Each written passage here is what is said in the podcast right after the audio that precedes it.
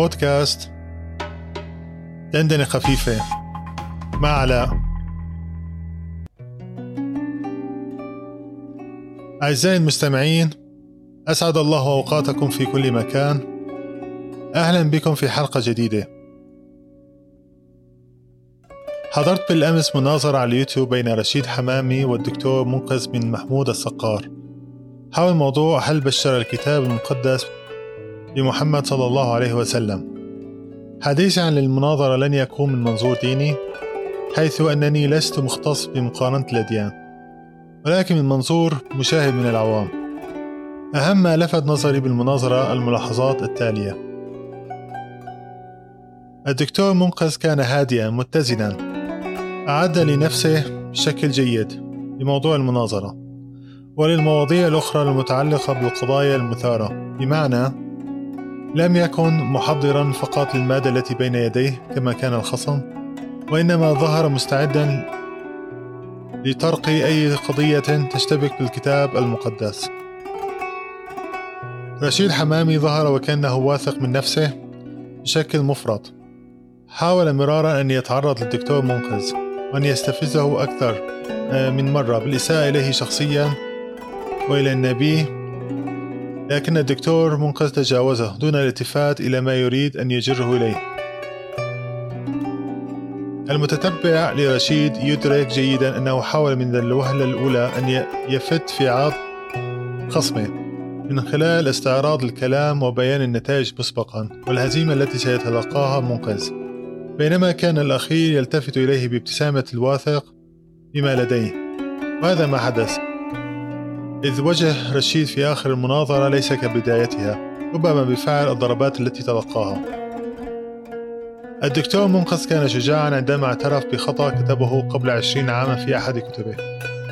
ثم تراجع عنه في الطبعات الأخرى لكن الذي أطربني ربط الخطأ الذي وقع له بأخطاء نسخ الكتاب المقدس فبهت رشيد من حيث أراد الوقيع بخصمه.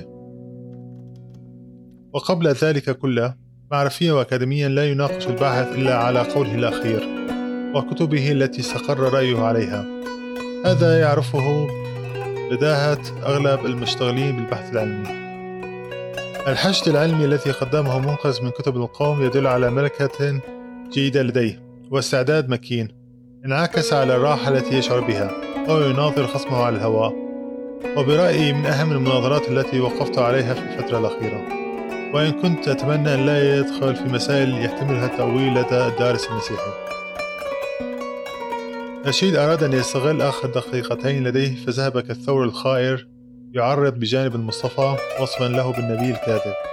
من أجل أن ينتقم لنفسه من الفضيحة التي أوقع نفسه فيها. ومع ذلك جاء الرد من منقذ بعيدا عن تضييع الوقت في دفع كذبه إذ ما قاله هراء ولا قيمة له. وإنما قسم ظهره بتحديه في مواضع ذكرها زورا في دقيقته الأخيرة. لا سيما فيما يتعلق بوحشية الكنيسة. بالمجمل المناظرة كانت مرتبة اهتمت بالفكرة وكانت في مستوى رفيع. وأهم عنصر في نجاحها المقدم القصة الرزينة الهادئة التي أدارها بكل حيادية واحترام. كثير من الناس قد يلوم على الدكتور منقذ موضوع المناظرة كونه ثانوي ولا يمس الأصول لكن الدكتور منقذ صادمه كباب ليتطرق لمواضيع أخرى كتحريف الكتاب المقدس.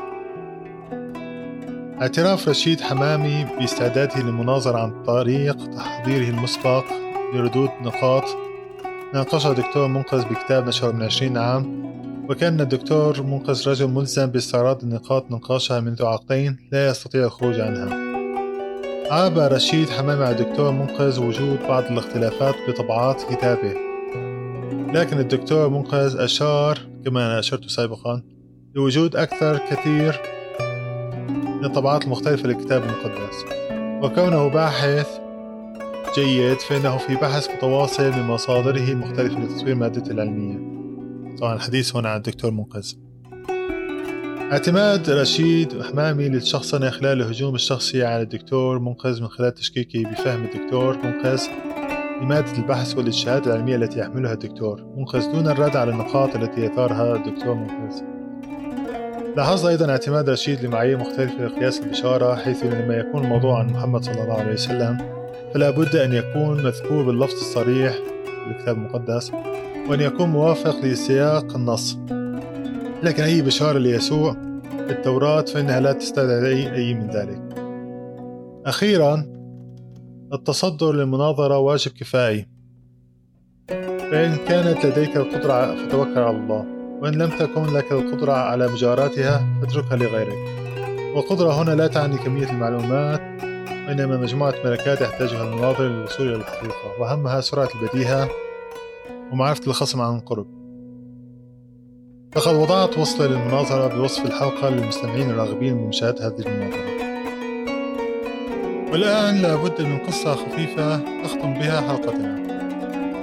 من لطائف العرب عتاب لطيف بين زوج وزوجته عندما انشغل عنها بالكتب. فطال انتظار زوجته له وهو مشغول عنها بمخطوطاته. فوضعت له مع فنجان القهوة بطاقة. كتبت فيها يا ليتني عندكم يحب مخطوطة. تسعى إلى نيلها سعي ابن بطوطة. غبطت أوراقها إذ أنت تعشقها. فهل أكون كذي الأوراق مغبوطة؟ فكتب لها. شتان بينكما فالرف موضوعها. وأنت يا مهجتي في القلب محطوطة. وأنت مطلقة. ما شئت فاعلة. وتلك بالجلد والخيطان مربوطة. أعزائي المستمعين نشكركم على حسن استماعكم. البودكاست أصبح متوفر على 19 منصة مختلفة.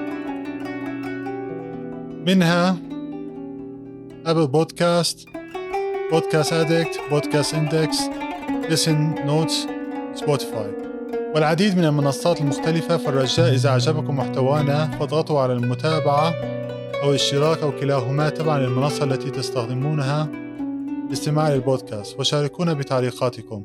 كما أن للبودكاست آه، صفحة على التويتر رجاء متابعتها ليأتيكم جديدنا أولا بأول. ولكم الشكر الجزيل.